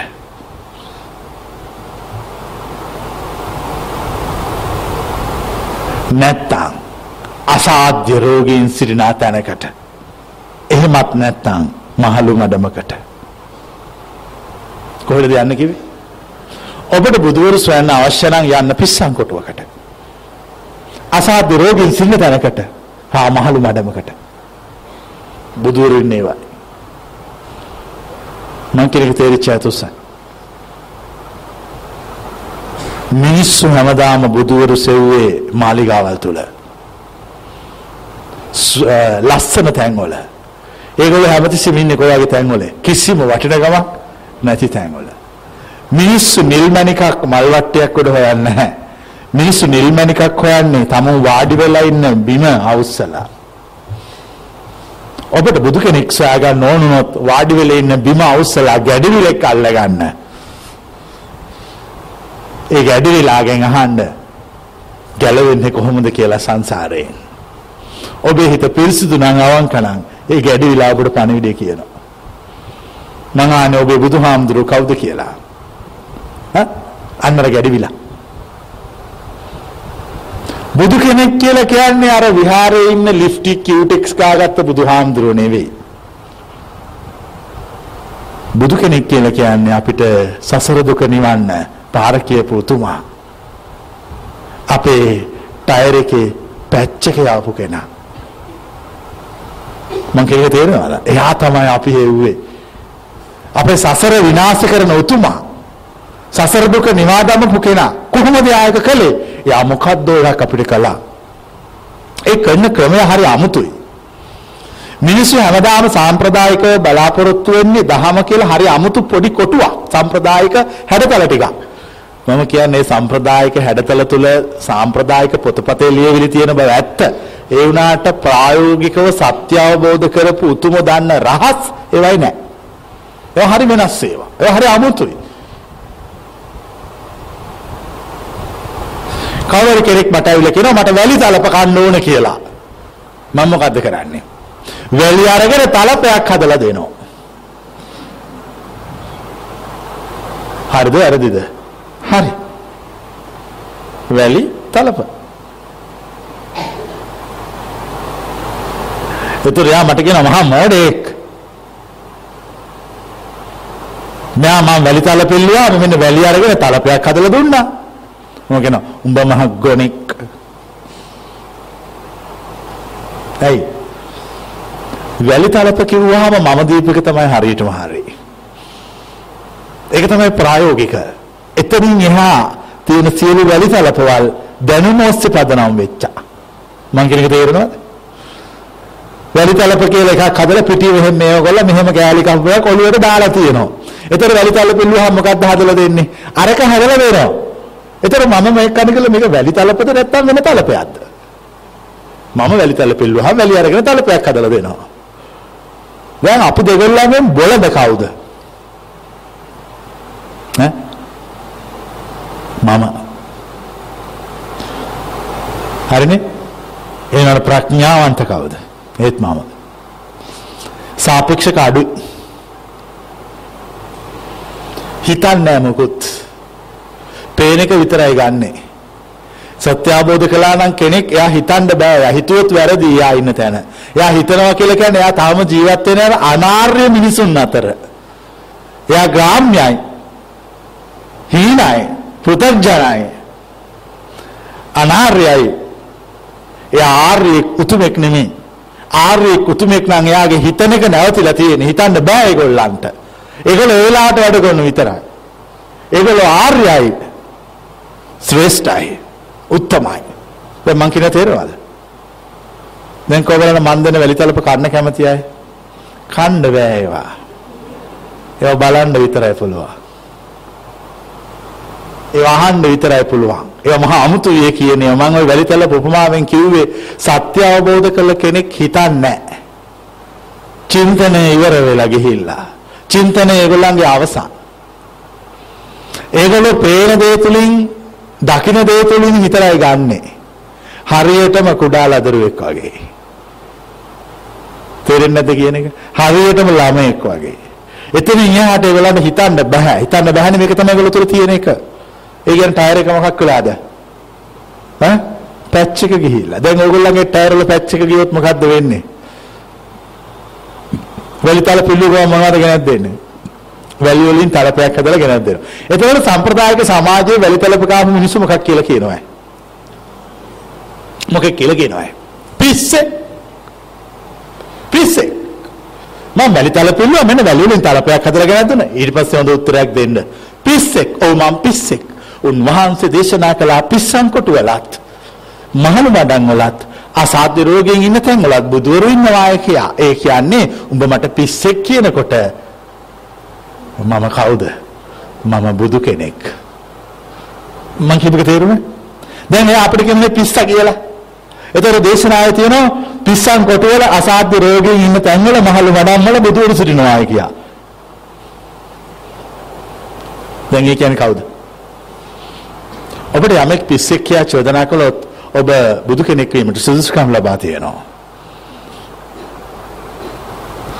ඒ කියන්නේ ඔවුන් හිතපු සාපේක්ෂ රාමු සියල්ල කඩාගෙන අතික්‍රමණය කරගෙන සත්‍ය අවබෝධ කරලා තියෙනවා. මේක දැන් තේරෙනවද මම කියනවා. එතකොට ඒගොල්ලන්ට වඩා වෙනස් විදිහට හිතනවා. කුඩා ළමෙක් වතුර පෙන්නලා මොනවද ඉල්ලන්නේ? ජෝ. එතකොට ළමයට කවුරුත් කියනද පිස්සෙක්? නෑ. එයා ඉල්ලුව වතුර නෙවෙයි ජෝ. මං කියනවා තේරෙනවද? එනකොට අම්මලා දෙන්නේ මොකද්ද යාට? ඒ ඒගොල්ලෝ ඒක දන්නවා. ඒක සම්ප්‍රදාය પરම්පරාව තුළ සම්මත වෙලා. එයාට ළමයාගේ බොහොම පොඩි හිත හිත පොඩි නිසා යාට ලොකු වචන ලොකු දේවල් ග්‍රහණය වෙන්නේ නැහැ පොඩි එකක් කියන්නේ. අන්න ඒ වගේ තමයි අවබෝධයටපත් වෙච්ච අය. ඒගොල්ලෝ හරි පොඩි. ඒ කියන්නේ ඒගොල්ලන් ලොකු දේවල් හිතන්න බෑ කියන එක නෙමෙයි. નિરાයාසෙන් තියෙන හැම එකක්. කවල් නැහැම වෙන කැමති අය. එතකොට ඒ උතුමගේ සිතේ කිසිම රාමුවක් නැහැ. කිසිම හැඩයක් නැහැ. ඒ උතුමගේ සිත සුපරිශුද්ධයි. සුපරිශුද්ධයි. ඒ సంతාණය ඊටාම පවිත්‍රායි, පූජනීයයි. නිලම්බලකට වඩා පිරිසිදුයි. හඳුන් කෑල්ලකට වඩා සුවඳයි. දියමන්තියකට වඩා බරයි. මං කියනවා තේරෙනවද? අන්න ඒගොල්ලෝ තමයි රහතුන්, මහා බුදුවරු. ඒගොල්ලෝ හරි අමුතුයි. ඒගොල්ලෝ හරි අසාමාන්‍යයි, ආශ්චර්යයි, අద్భుතයි. මොකද ආශ්චර්යයි, අద్భుතයි. කවුද? ඒ සත්‍ය අවබෝධ කළ උතුමන්. ආශ්චර්යයි, අద్భుතයි, අద్భుත ජනකයි. හිතා ගන්න බෑ. මොකක් කරාවුද කියලා ඊළඟට. කිසියම් කිසි කෙනෙකුට උන්වහන්සේලා ගැන හිතන්න පුළුවන් නම් ඒ තවත් ඒ වගේ කෙනෙක් ඒ මාර්ගය අවබෝධ කළ තවත් කෙනෙකුට විතරයි ඒ කරන එක කියන එක හිතන්න පුළුවන්. සාපේක්ෂ සම්ප්‍රදායික ලෝකෙ ඉන්න කිසිවෙකුට සත්‍ය අවබෝධ කළ කෙනෙක් විදිහට හිතන්න බෑ. ඒගොල්ලෝ හිතන්නේ මහා හිතෙන්නේ ඒගොල්ලන්ට 아무තු විදියකට. ඒගොල්ලෝ හිතන්නේ නැහැ කවුරුවත්. ඕගොල්ලන්ට වෙලා තියෙන හිතන වැඩි. කල්පනා කරන වැඩි. ජීවිතේ හැම එකක්ම කල්පනා කරලා කරන්න ඕන දේවල් තියෙනනේ. මානව මිනිස්යන්ගේ ස්නාපතති කොටස් දෙකක් තියෙනවා. ඉච්ඡානුගය හා අනිච්ඡානුග කියලා. ඉච්ඡානුග කියලා කියන්නේ හිතලා කරන ඒවා. අනිච්ඡානුග කියන්නේ નિરાයාසයෙන් වෙන ඒවා. උස්ම ගන්න ඒවා, ඒ වගේ දේවල් මේ හදවත ගැහෙන ඒවා નિરાයාසයෙන් වෙන. මම කල්පනා කරනවා මෙහෙම. මේ ඉච්ඡානුග පද්ධතිය ඩිලීට් කරලා දාලා අයින් කරලා දාලා අනිච්ඡානුග පද්ධතියක් සමස්ත ජීවීන් සියල්ලටම දැම්මනම් මේ ජීවීන්ට හිතක් ඕනේ නැහැ. මං කියන්නේ හරිද? ඉච්ඡානුග පද්ධතිය සම්පූර්ණයෙන් අයින් කරලා දාලා අනිච්ඡානුග ක්‍රියාව වලින් විතරක් මේක පවතින හැදුවොත් මේ ජීවීන්ට සිතක් ඕනේ නැහැ. අනිච්ඡානුග ස්නායු පද්ධතිය ප්‍රමාණවත්. රහතෙකුට තියෙන්නේ අනිච්ඡානුග ස්නායු පද්ධතියක්. ඉච්ඡානුගේව නැහැ. මං කියනවා තේරෙනවද? ඒගොල්ලෝ හිතන්නේ නැහැ. නිකන් නිකන් ඉන්නවා. පොඩි ළමෙක් වගේ වෙලා. ඒ කියන්නේ ටයර් එක මොකක් වෙලායි? පැච් එක ගිහිල්ලා. ඔයගොල්ලෝගේ ජීවිතවල තියෙන අවුල තමයි හරියට කල්පනා කරනවා. ගොඩාක් දුර හිතනවා. ගොඩාක් දුර හිතුවට කරන්නේ වෙන්නේ වෙන්න ඕන දේවල් ටික. හිතපු දේවල් ටික කාටවත් කරගන්න බැරි වෙලා තියෙනවා මේ තාක්කල් ජීවිතේ. කොගලන් එහෙම කරපු කෙනෙක් ඉන්නවා අතොස්ස අපි හිතපු ඔක්කොම කළා. අචින්තිතම්පි භවති චින්තිතම්පි විනස්සති. සිතුවක් නෙමෙයි වෙන්නේ නොසිතුවක්. දැන් නොසිතුවක් නේ වෙන්නේ.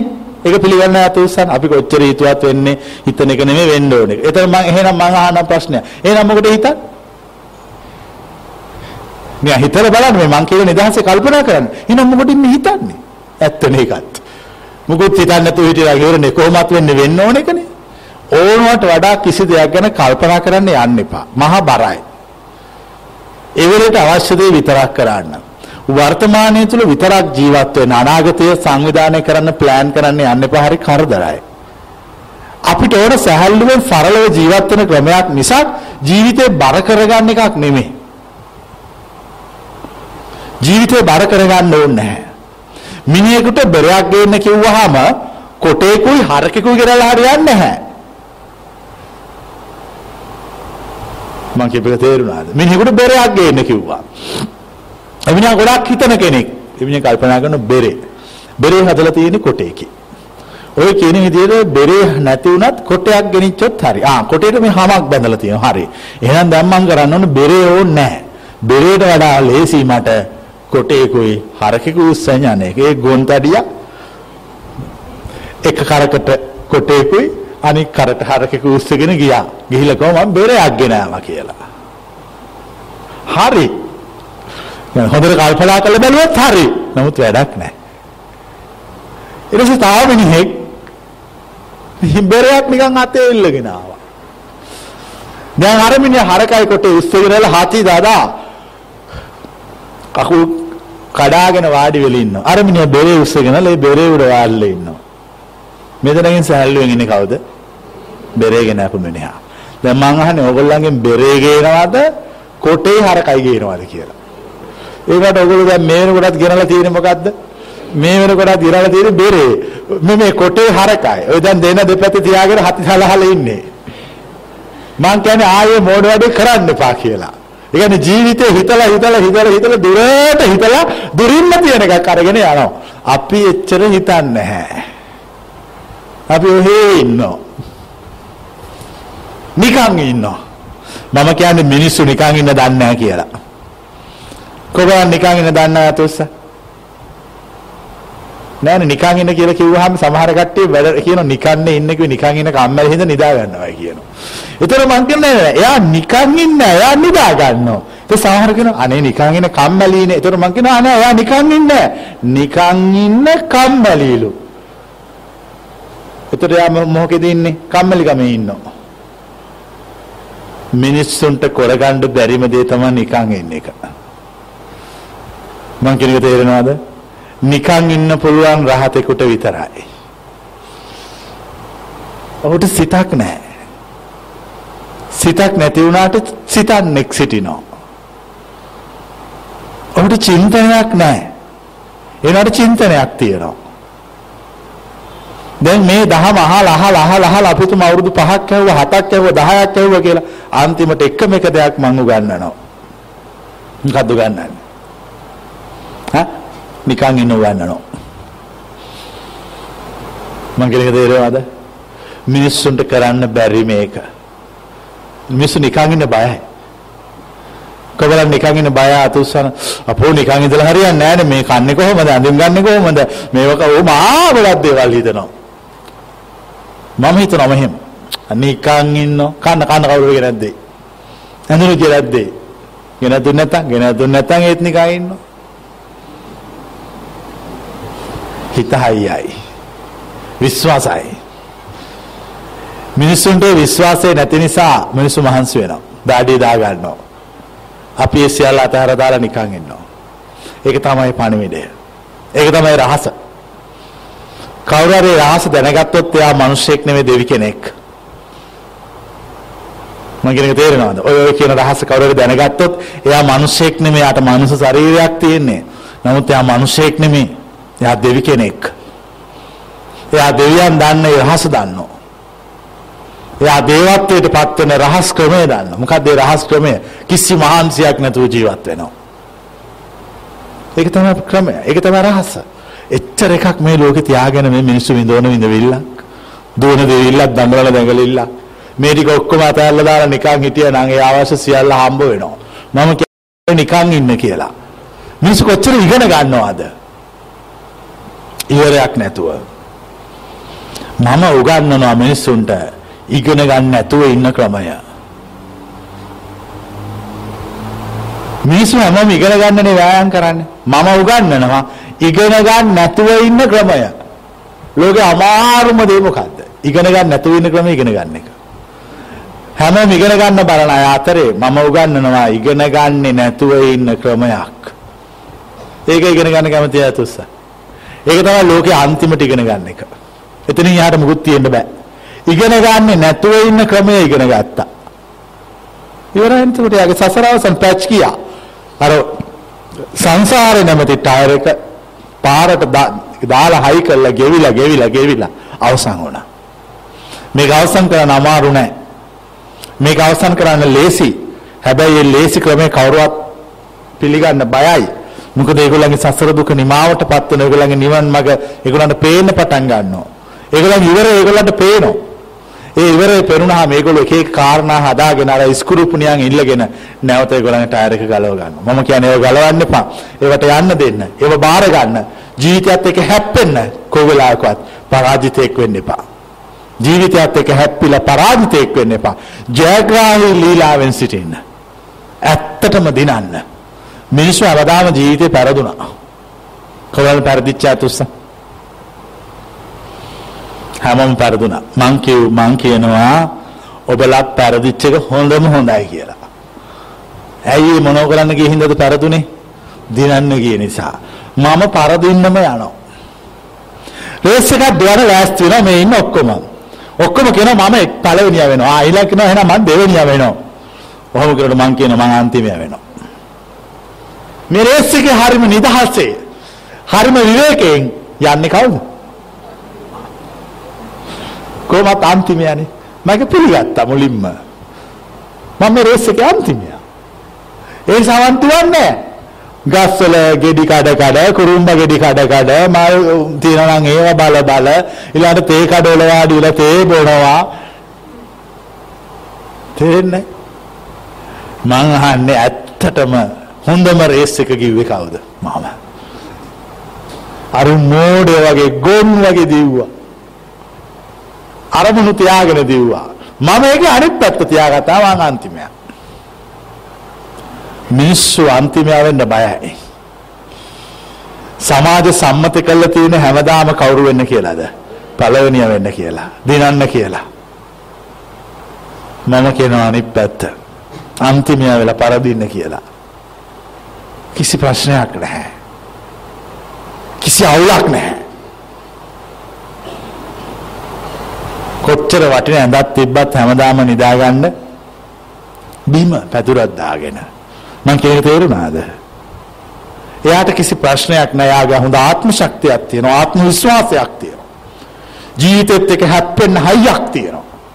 මිනිස්සුන්ට ජීවිතෙත් එක්ක හැප්පෙන්න හයියක් නැත්තේ අර අරමුණු ජීවිතේ හදා ගන්න නිසා.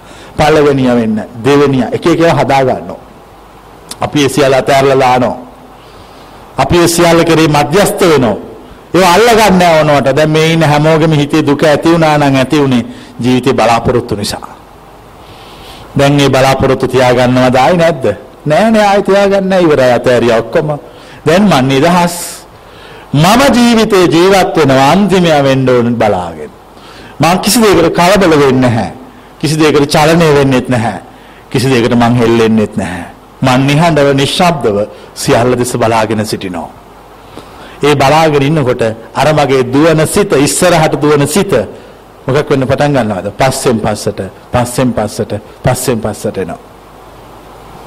සිත පස්සෙන් පස්සට එනවා නම් කාගේ හරි එයාගේ ටයර් එකේ නූල් මතු වෙලා. වෙනද ඉස්සරහට දුව දුව දුව දුව දුව අර මෙහෙම හැදුවනේ අනාගතයක් අනාගතයක් හදලා ඒක රස වින්දානේ. මිනිස්සු වර්තමානයේ ජීවත් වෙන්නේ නැහැනේ කවුරුවත්. අනාගතයේ ජීවත් වෙන සම්පත් එකතු කරා. අනාගතයේ ජීවත් වීම සඳහා එකතු කරා එක එක දේවල්. කවුරුවත් අද අද දැන් සතුටෙන් ඉන්න බැලුවේ නැහනේ. හෙට සතුටෙන් ඉන්න බැලුවා. මාන් හෙට අතහැරලා දාලා අද සතුටෙන් හිටියා.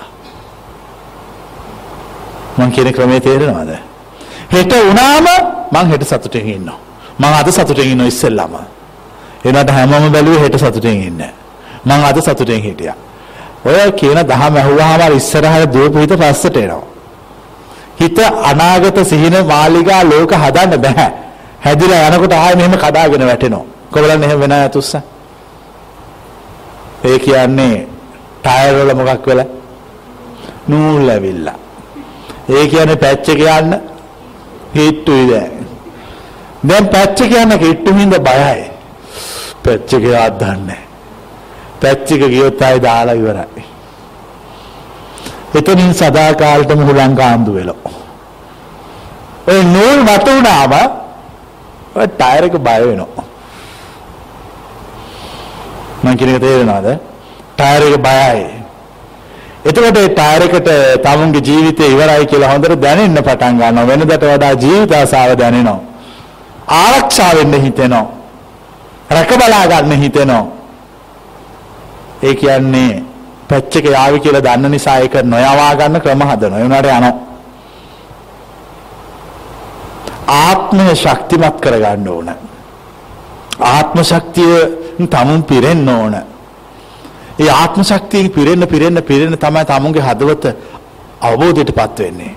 කොච්චර ප්‍රඥාවන්තයෙක් වුණත් සත්‍ය අවබෝධ කරන්නේ නැහැ ආත්ම ශක්තිය නැත්තම්. ආත්ම ශක්තිය තියෙන්න ඕන. රජ කෙනෙකුට වාගේ. ප්‍රඥාව තියෙන්න ඕන පුරোহিතයෙකුට වාගේ. මේ දෙක තියෙන්න ඕන. මොකද තියෙන්න ඕන? ආත්ම ශක්තිය තියෙන්න ඕන රජ කෙනෙකුට වාගේ. ප්‍රඥාව තියෙන්න ඕන පුරোহিතයෙකුට වගේ. රටේ වැඩිම ප්‍රඥාව තියෙන කෙනාට අපි කියනවා පුරোহিত බ්‍රාහ්මණයා කියලා. වැඩිම ආත්ම ශක්තිය තියෙන කෙනාට අපි කියනවා රජ්ජුරෝ කියලා. එච්චරයි. ওই දෙක තිබුණා නම් ওই ගමන අවසන්. මිනිස්සු පුරোহিතයා වෙන්නත් බයයි රජ වෙන්නත් බයයි. ඒ වුණාට ඒ මාර්ගය අවසන් කරන්න ඕන සියල්ලෝම පුරোহিত බවත් රජ බවත් සාක්ෂාත් කළ යුතුයි. ඒ ආත්ම ශක්තිය තියෙන කෙනෙක් විතරයි රජ වෙන්නේ පුරোহিত වෙන්නේ. ඒ දෙකම තියෙන කෙනා මං කියපු පණිවිඩය අහලා සසර දුක නිමලා අවසන් කරනවා. මම දෙකම ප්‍රධාන ප්‍රශ්නේ තමයි මේ ඉන්න බොහෝ දෙනෙකුට ආත්ම ශක්තිය අඩු එක. බයයි. බයයි. ඒ බය කුඩා කාලේ ඉඳන් හදාගත් එකක්. බයයි. හයිය නෑ ඇතුළ. ඒ හයිය නැති නිසා හැමතිස්සෙම පස්සට යන්නේ. ටයර් එකේ නූල් මත වෙනකොට බයයි. ස්ක්‍රූප් නියනක් කොහෙන් හරි හොයනවා මේක ගලවන්න ඕන දැන් නැත්තම් පැච් එකක් යයි කියලා. ඒකට දාගත්ත පැච් එක යවන්න ඕන කියලා. පැච් එක යවන්න ඕන කියලා දාගෙන මගදී ස්ක්‍රූප් නියනකින් ගලවනවා. මං කියන්නේ ආත්ම ශක්තිය තියෙන කාට හරි හිත හයියනම් කාගේ හරි එයාට අවසර තියෙනවා සබා දහම තුල එයාගේ සසර ගමන අවසන් කරා. ඔච්චරයි. පුරোহিතෙකුට වගේ ප්‍රඥාවකුත් රජ කෙනෙකුට වගේ ආත්ම ශක්තියකුත් තිබිය යුතුයි. ඕන් මා කියන මාර්ගය අහලා සසර දුක නිවලා අවසන් කරනවා. මේක අමාරු එකක් නෙමෙයි. දැන් මේ පොත්පත්වල තියෙන ධම්ම නිවන් මගනේ අමාරු. පොතේ තියෙන නිවන් මග වඩන්න ගියොත් අවුරුදු 2500ක්වත් යනවා. මොකද අවුරුදු 2500ම වරද්ද වරද්දල ලියපු හරි තියෙන්නේ. මම කියන එක කරන්න ගියොත් අවුරුදු 5ක් යන්නේ දැන් ඕගොල්ලෝ මොන කාගේ බණින් නිවන් දකින්නවද? මම කියන එක අහලා දකින්නවද? පොත්පත්වල තියෙන හාමුදුරුවෝ කියන ඒවා අහලා නිවන් දකින්නවද? මම කියන එක අහලා නිවන් දකින්න. ඔය මෝඩෝ කියන දන්න මකුලකුත් නැහැ, ඇති දෙයක්කුත් නැහැ, කියන්නේ නැහැ, පච ගහ ගහ මිනිස්සු අන්දවන්ද මුලා කර කර තියෙනවා. අපි කියන එක ලේසි හරි. ඒක ප්‍රායෝගිකයි. ඒක තමයි බුදුවරු දේශනා කරන පණිවිඩය. ඒක කෙටි. ඒක ඉක්මනට ගොඩ යන්න පුළුවන්. අපිත් හොයන්නේ මේ ඉක්මනට ගොඩ යන්න ක්‍රමයක්. ඒ ඉක්මනට ගොඩ යන ක්‍රමයක් අපිට පේනවා නම් තියෙනවා නම් හරි කියලා කියනවා නම් මොකටද අපි දුර පාරවල් හොයන්නේ අපි කෙටි පාරෙන් සසර දුක නිවල අවසන් කරනවා. ලෝකේ හැමදාම සසර දුක නිවන ක්‍රම පෙන්නපු අය මේ ආත්මදි සසර දුක නිවන ක්‍රමයක් තමයි පෙන්වන්නේ. ස්වාකාතෝ භගවතා ධම්මෝ සම්දිට්ඨිකෝ අකාලිකෝ සම්දිට්ඨිකෝ අකාලිකෝ තේරුණා කියන්නේ ඒක ඒ එවෙල එවෙල ප්‍රතිඵල දෙන දහම එදා එදා අවබෝධයටපත් වෙන මාර්ගය ඕන කෙනෙකුට නිර්භයව එන්න බලන්න කියලා පෙන්වන්න පුළුවන් දෙයක් ඒක ඒ පස්සිකෝ ඒක නිවනටම යොමු වෙන දහමක් ඕපනයිකෝ තම තමන් විසින් සාක්ෂාත් කළ යුතු දහමක්. පච්චත්තම විදිතබ්බෝ විඤ්ඤෝහි. ඕක තමයි හැමදාම පෙන්වන්නේ. කිසිම දහමක නැහැ කිසිම තැනක බුද්ධ ආගමේ නැහැ මරණයෙන් පස්සේ නිවන් දැකීමක්. මේ කියන තේරුම් ගන්න මම බොරු බොරු කිව්වේ. හැමදාම තියෙන්නේ තමුන්ගේ අවුරුදු 5ක් 7ක් තුල යම් මාර්ගයක් වැඩුවා නම් ඒ මාර්ගයේ වැඩල ඉවරනකොට එයාගේ සසර දුක ඉවර වෙන්න ඕන. නැත්නම් වැඩක් නැහැ ඊට වඩා හොඳට කාලා බිල හොඳට හිටියාම. ලබනාත්ම ලැබෙන නිවනක් අපිට වැඩක් නැහැ. අපිට ඕන මේ ආත්ම නිවනක්. කොබලන්නේ මේ හිතන යතුස්සා. ඒක තමයි මාත් කියන්නේ. ලබනාත්ම නිවන් දැකලා වැඩක් තියෙනවා අපි දන්න වැඩක් ඉදිරිය නැද්ද කියන්නේ අපිට මේ ආත්ම එකක් ඕන. අපිට අද නිවනක් ඕන. දැන් නිවනක් ඕන. අපි ඒ හොයන ක්‍රමය ප්‍රායෝගික වෙන්න ඕන. එහෙම නැත්නම් කරන්නේ බොරු. කිසි කෙනෙක් දන්නේ නැති එකක් තවත් වතාවක් කියලා රවට්ටනවා. මිනිස්සු අවදාම කරන්නේ කවුරු හරි කෙනෙක් ඒ සත්‍ය අවබෝධ කරලා ඒ උතුම දේශනා කරපු දහම මේ පොතපත ලියපුවත් එක්ක බල බල සසඳ සසඳ කිය කිය ඉන්නවා. හැබැයි ඒ කියනේ වහුවොත් උඹ ඔය කියනේම කොල්ල తీරවද කියලා හොත් නෑ කළත් නෑ කියනවා. ඒතර කොහොමද කියන්නේ? ඒකට පොතේ තිබුණා කියනවා. ඉතින් පොතේ තියෙන එක හරිද වැරදිද කියලා දන්නේ කොහොමද? ඒක දන්නේ නෑ කියනවා. ඒ කියන්නේ මේවට කියන හතර බීරි කතා කියලා. බන නෙමෙයි හතර බීරි කතා. එයා දන්නෙත් නෑ පොත හරිද දන්නෙත් නෑ කියන එක හරිද දන්නෙත්. අපි කියන්නේ අපිට දැනෙන එක. අපිට තේරෙන එක. මං කියන එක පැහැදිලිද? ඒක තමයි හරි.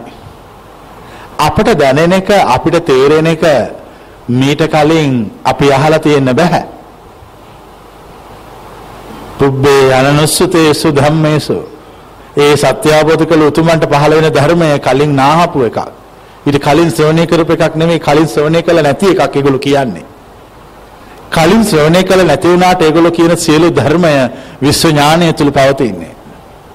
ඕන් විශ්ව ඥාණයෙන් අරගෙන කියන්නේ. ඕන් විශ්ව ඥාණයෙන් අරගෙන කතා කරනවා. ඒතර මිනිස්සුන්ගේ හදවතට හොඳට දැනෙනවා. ඒ හදවතට දැනෙන විතරක් නෙමෙයි ඒ දහම ඍජුවම සසර දුක නිවල දානවා. සසර දුක නිවන එක අමාරු නෑ ලේසි. ඒකට අවශ්‍ය කරන පදනම වටපිට පරිසරය Taman සකස් කරගත යුතුයි. හිත හයිය වෙන්න ඕන රජ කෙනෙකුගේ වගේ ප්‍රඥාව තියෙන්න ඕන පුරোহিතයෙකුට වගේ මේ දෙක තියරන් ඔබට පුළුවන් මං කියන මාර්ගය ගමන් කරන්න. බොහෝ අයට මම දැකපු අඩුව තමයි ආත්ම ශක්තිය නැති එක. හයිය මදි. හයිය මදි කෙනෙකුට යන්න බෑ. නාලක සූත්‍රයේ නාලක තෙරුණාන්සේ ගෞතම බුදුහාමුදුරු දේශනා කළේ නාලක ආධ්‍යාත්මය ශක්තිමත් කරගන්න නැත්නම් මාර්ගය කියන්න බෑ කිව්වා. හරි එහෙම කියන්න බෑ. හොඳ හයිය හිතක් නැති කෙනෙකුට මේ මාර්ගය කිව්වට තේරෙන්නේ නැහැ. හිත හයිය වෙන්න ඕන ජීවිතය වර දෙයක් දරා ගන්න ලෑස්ති. කිසි දෙයකට කම්පා වෙන්නේ නැහැ. කිසි දෙයකට වැටෙන්නේ නැහැ. මිනිස්සු ජීවිත අසාර්ථක කරගන්නේ තනින් තන ඇදගෙන වැටෙන නිසා. අපි වැටෙන්නේ නැහැ කිසි තැනක. මොකද අපි කොහොමවත් වැටලා ඉන්නේ. මම කියන්නේ තේරෙනවද? කොහොමවත් වැටලා ඉන්නේ. අපි නැගිටින්නේ නැහැ අපි කොහොමවත් වාඩි වෙලා ඉන්නේ. අපි වාඩි වෙලා නිසා අපි වැටෙන්නේ නැහැ. කියන එක තේරෙනවද? ඒ කියන්නේ ඒගොල්ලෝ සිත පහත් කරගෙන ජීවත් වෙනවා. සිත පහත් කරගෙන ජීවත් වෙනවා. සිත උඩට ඉස්සුණත් චින්තනයේ තියෙන යට. උඩට ගන්න උඩට ගත්තොත් වැටෙනවා. මෙතන කොහොමත් ඒ තැන. ඒ නිසා ඒගොල්ලන්ට ජීවිතේ කවදාකවත් විඳින්න බෑ. මම කියන පැහැදිලිද? ඒ අවබෝධ වෙච්ච අය හරි අමුතුයි ඒගොල්ලෝ. ඒගොල්ලන්ට විඳින්න බෑ. ඒගොල්ලෝ කොහොමවත් ඉන්නේ යට. ඒ වුණාට ඒගොල්ලන්ට සියල්ල තියෙනවා. සියල්ල තියෙනවා. සියල්ල තිබ්බට සියල්ලට බැඳෙන්න බෑ. සියල්ල අතහැර දාලා තියෙන්නේ. සියල්ල අතහැර දාපු කෙනෙකුට කිසිවෙකුට බැඳෙන්න බෑ. ඕක තමයි ලෝකේ සත්‍ය. ලෝකේ කාලයකට සැරයක් පහළ වෙන සත්‍යයේ පණිවිඩය. ওই සත්‍යයේ පණිවිඩය හැමෝම අහන්න ඕන. ඕක හැමෝටම අහන්න හම්බෙන්නේ නැහැ. කාට හරි ඒක අහන්න ලැබුණොත් ඒක සංසාරේ කරපු විශාල පිනක්. පුණ්‍ය භාග්යක් විපාක දීමක්. කාට හරි අහනකොට තේරෙනොත් මේක තමයි මං හොය හොය හිටියේ කියලා. ඒ කියන්නේ යා සත්‍ය අහන්න ආපු කෙනෙක්. ඒතර ඒගොල්ලෝ වහාම කරන්න ඕන සියල්ල අතහැර ඒ මාර්ගය, ඒ පණිවිඩය, ඒ ධහම හොයාගෙන යන්න ඕන. ඒක තමයි ඒගොල්ලන්ගේ සසර දුක නිමාවටපත් කිරීම. හෙවත් තමන්ගේ සංසාරයේ නැමැති ටයර් එක ගෙවලා අවසන් කළා. පැච් එකක් යවාගෙන මේක ඉවර කරන්න ඕන. එතකොට මේ ප්‍රශ්න ඔක්කොම ඉවරයි. ඒක තමයි පාරිශුද්ධත්වය. ඒක තමයි ගැලවීම, නිවීම හා සැනසෙල්ල. අන්නේ සැනසිලිදායක ජීවිතයටපත් වෙන්න ඕන. සනසිරිදායක ජීවිතයකට පත් වෙන්න නැතුව මොන දේ කළත් වැඩක් නැහැ. ජීවිතය තුළ පවතින එකම විඩාවක් අසහනයක්. ඒ අසහනේ විඩාව පවතින මිනිස්සු අනාගතේ හිතන නිසා. අනාගතේ හිතන නිසා. ආත්ම ශක්තිය අඩු නිසා. හොඳට මතක තියාගන්න අර ටයර් එකේ කතාව. මගදී ස්ක්‍රූප්පුනියනක් හොයනවා මේක ගලවන්න. දෙන්න එපා ස්ක්‍රූප්පුනියනක් ගන්න හිතට ඉඩ. විසිකල්ලා දාන්න දෙන ඔක්කොම ඒවා. ඒක තමයි ආත්ම ශක්තිය. ඒ ආත්ම ශක්තියෙන් ඕන කෙනෙකුට ඒ මාර්ගය අවසන් කරන්න පුළුවන්. හැබැයි ප්‍රඥාව මතු කරගන්න පුළුවන් දේශනාව අහලා. ආත්ම ශක්තිය tamun ළඟ තියෙන එක තමයි ගන්න වෙන්නේ එළියට. tamun ළඟ තියෙන එක ගන්න වෙන්නේ. tamunට තේරෙනවා මගේ ආත්ම ශක්තිය මදි කියලා. ඒ කියන්නේ tamun මොනවා හරි භෞතික දේවල් වලට හිත බැඳීලා තියෙනවා. සිත සියලු බන්ධන වලින් නිදහස් කරාම තමයි සුපිරි ආත්ම ශක්තියටපත් වෙන්නේ. සියල්ල අහිමි වෙච්ච කෙනෙක් කුට තුගේ ආධ්‍යාත්මය තුල අසීමිත ශක්තියක් පවතිනවා. එයාට කිසි දෙයක් නැහැ නේද? එයාට ඕන එකක් එකයි. අන්නේ ශක්තිය තියෙනවනේ හැමතිස්සෙම. දැන් පැහැදිලිද? ඒ ශක්තිය සමහරුන්ට සමහර අවස්ථාවලදී ලැබිලා තියෙනවා. හැබැයි ඊට පස්සේ ඒගොල්ලෝ කරන්නේ ආයි භෞතික සම්පත් වලින් ඒ ශක්තිය වහ ගන්නවා. වහගෙන අඩු කර ගන්නවා. අපි කියන්නේ ඒ ශක්තියම අපි තියාගෙන ඉන්නවා භෞතික සම්පත් වලට වහල්කම් කරන්නේ නැතුව. ඒතර අපි ළඟ හැමදාම අර සුපිරි ආත්ම ශක්තිය වැඩ කරනවා. ඒ කියන්නේ අපිව කාටවත් පාලනය කරන්නත් බෑ. අපිව කාටවත් නවත්තන්නත් බෑ. අපි කියන්න ඕන දේ කියනවා කරන්න ඕන එක කරනවා. මං කියන එක පැහැදිලිද? ඒගොල්ලෝ සුපිරි තත්ත්වෙට හිතපත් කරපු අය. කොච්චර භෞතික සම්පත් ගෙනත් දුන්නත් ඒ ශක්තිය අඩු කරන්න බෑ. මෙතෙන්ට මේ කියන තැනට කොහොම හරි එන්න. නැත්තම් වැඩක් නැහැ ඔය ජීවිත. කිසිම පාළු ජීවිත. එක එක්කෙනාට පක්කාලි වැඩ කර කර එක එක්කෙනාට ජීවිතේ උගස් තියතිය හිටියා. අර කොම්පැනිට අවුරුදු 5යි මේ කොම්පැනිට 20යි ඕම ඕම ඕම ගියා. අන්තිමට අන්තිමට මහලු බඩවන් කොම්පැනි තමයි නැවතුනේ. මම කියනවා තේරුම් ගන්න. ඒ එතෙන්ට අහම පසුතැවෙන්න වෙනව නැත්තම්. එදා මේක කිව්වනේ අර කොම්පැනිය මේ කොම්පැනිය අන්තිමට මහලු බඩවන් කොම්පැනියට එනවයි කියලා. මම ඒක විශ්වාස කළේ නෑනේ. ඒ වුණාට මම එතෙන්ට ආවනේ අන්තිමට. මම කියන්නේ තේරෙනවද? මං ඊට කලින් එතෙන්ට එන්න කලින් කළ යුතු දේ කරා. සත්‍ය අවබෝධයට පත් වුණාන් පස්සේ මොන කොම්පැනියත් එකයි. මොකක්ද එකයි. කිසිම වෙනසක් නැහැ. කිසිම අවුලක් කිසි තැනක පේන්නේ නැහැ. සිත පිරිසිදු වෙච්ච කෙනෙකුට. ඔහුට ඕන තැනක ඔහුගේ තැනක්. මිනිස්සුන්ට වෙලා තියෙන ප්‍රශ්නේ මිනිස්සු සීමා බෙදන් තියෙනවා. මම හිතනවා මේ පුටුව මගේ පුටුව. අරක මෙයාගේ පුටුව. මේක මෙයාගේ පුටුව කියලා. නෑ මං හිතනවා මෙහෙම. මේකත් මගේ පුටුව. මේකත් මගේ පුටුව. මේ ඔක්කොම මගේ පුටුව. ඒ ක්‍රමය හොඳ නැද්ද? ඒතර මේ ඔක්කොම මම බලා ගන්නවා. ඒතර මේ ලෝකෙම කාගේද? ඔක්කොම මගේ. කියන මට කිසි සීමාවක් තේරෙන්නේ නැහැ. පොඩි ළමයෙක් ඉන්නවා ගෙදරක. අල්ලපු අත්තේ ජම්බු හැදලා තියෙනවා. ඒ ළමයා මොකද්ද කරන්නේ? වැට කඩාගෙන ගිහලා ජම්බු කඩන් එනවා. ඒ ළමයට තේරෙන්නේ නැහැ. මෙතනින් මේගොල්ලන්ට අයිති නැහැ කියලා. ඒක එයා දාගෙන නැහැ. මං කියන්නේ ඒ විදිහට ඉන්න කියලා. ඒ ක්‍රමය හොඳ නැහැ. ගුටි ගන්නත් වෙන්න පුළුවන්. ඒ වුණාට කොච්චර ගුටි කෑවත් ඒ ක්‍රමය හොඳයි. කිසි විඩාවක් ඒ ක්‍රමය තුල නැහැ. ඒ ක්‍රමය තුල රකින්න 아무තු දෙයක් නැහැ. හරිම නිදහස් ක්‍රමයක් නේ ඕක. ඒක තමයි මේ සත්‍ය අවබෝධ කළ කෙනෙකුට තමුන්ට අයිති දේත් අයිති නැති දේත් අයිති. තමුන්ට අයිති දේත් අයිති නැති දේත් ඔහුට අයිති. ඒ කියන්නේ සියල්ලෙහි අයිතිකාරයා ඔහුයි. සියල්ලෙහි අයිතිකාරයා ඔහුයි. සියල්ල පාලනය කරන්නා ඔහුයි. සියල්ල මෙහෙයවන්නා ඔහුයි. ඒ தත්තරපත් වෙන්න. ඒ සඳහා කළ යුතු එකම දේ සියල්ල කෙරෙහි ඇති මානසික බැඳීම් අතහැර දාන්න. හොඳට hina වෙන්න. සතුටින් ඉන්න. අනාගතේ ජීවත් වෙන්න එපා අද ජීවත් වෙන්න. දැන් ඉන්න. දැන් මෙතන ඉඳගෙන ගෙදර ගැන කල්පනා කරන්න එපා වැඩක් නැහැ. ඔබට යනකම් ගෙදර ළඟට යනකම් ආයි ගෙයක් දකින්න හම්බ වෙන්නේ නැහැ. ගෙදර ළඟට යනකම් ආයි ගෙයක් දකින්න හම්බ වෙන්නේ නැහැ. කොච්චර දැඟලුවත්. ගයක් දැක්කොත් ගයක් ගැන හිතුවොත් ඒ ඔබ හිතන්නේ කලින් දැකපු ගේ ගැන මිසක් දැන් තියෙන එක ගැන නෙවෙයි. මම කියන එක පැහැදිලි තේරුම් ගන්න. දැන් කවුරුද පණිවිඩයක් කියනවා මේ මන්න ඔබගේ ගෙට ගිනි තිබ්බා කියලා. ගෙට ගිනි තිබ්බාම ස්වභාවය හිතා ගන්න පුළුවන්ද බැරිද? කවදාකවත් බෑ. කවදාකවත් බෑ. ගිහිල්ලා බලනකම් හිතා ගන්න බෑ. ගිහිල්ලා බලන්න කලින් හිතා ගන්න අර කලින් දැකපු එකට සාපේක්ෂව. ඒ නිසා ඔක්කොම අතහැරලා දාන්න. දැන් මම මෙතෙන්ට වෙලා වාඩිලා ඉන්නවා. දැන් මම දන්නවා දැන් මට කාමරයක් තියෙනවයි කියලා ජීවත් වෙන්න. මට තේරෙන්නේ මට ආයෙ ගිහිල්ලා දැක්කහම තමයි කාමරයක් තියෙන බව මතක් වෙන්නේ. ඒ ක්‍රමය හොඳ නැද්ද? ඒ කියන්නේ මගේ හිත සම්පූර්ණයෙන්ම හිස්.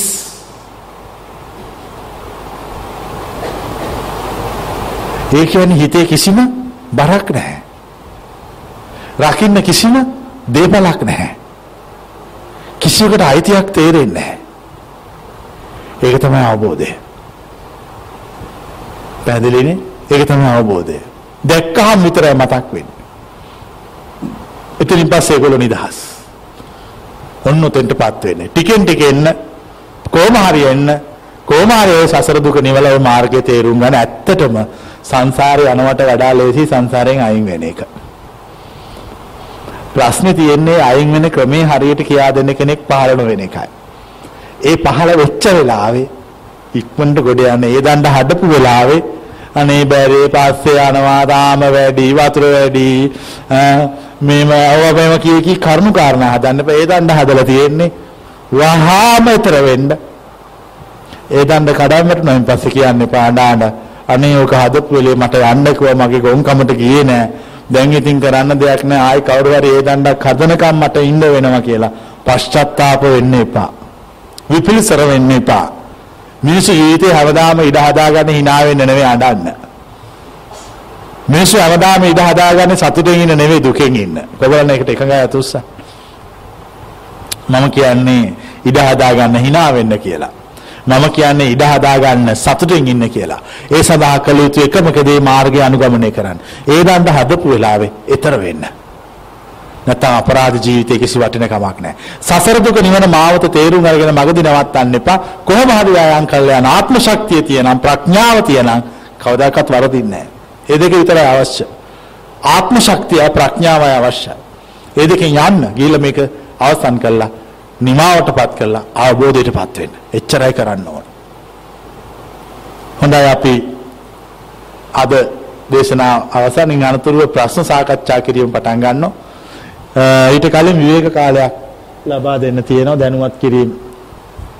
සිදු කරන්න තියෙනවා. ඊළඟ භාවනා වැඩසටහන පැවැත්වෙන්නේ ඔක්තෝබර් 26 මේක අපි දවස් වෙන පළවෙනි ඉරිදා වාරු කරන්න හේතුව මේ එක ළඟ ආවනේ.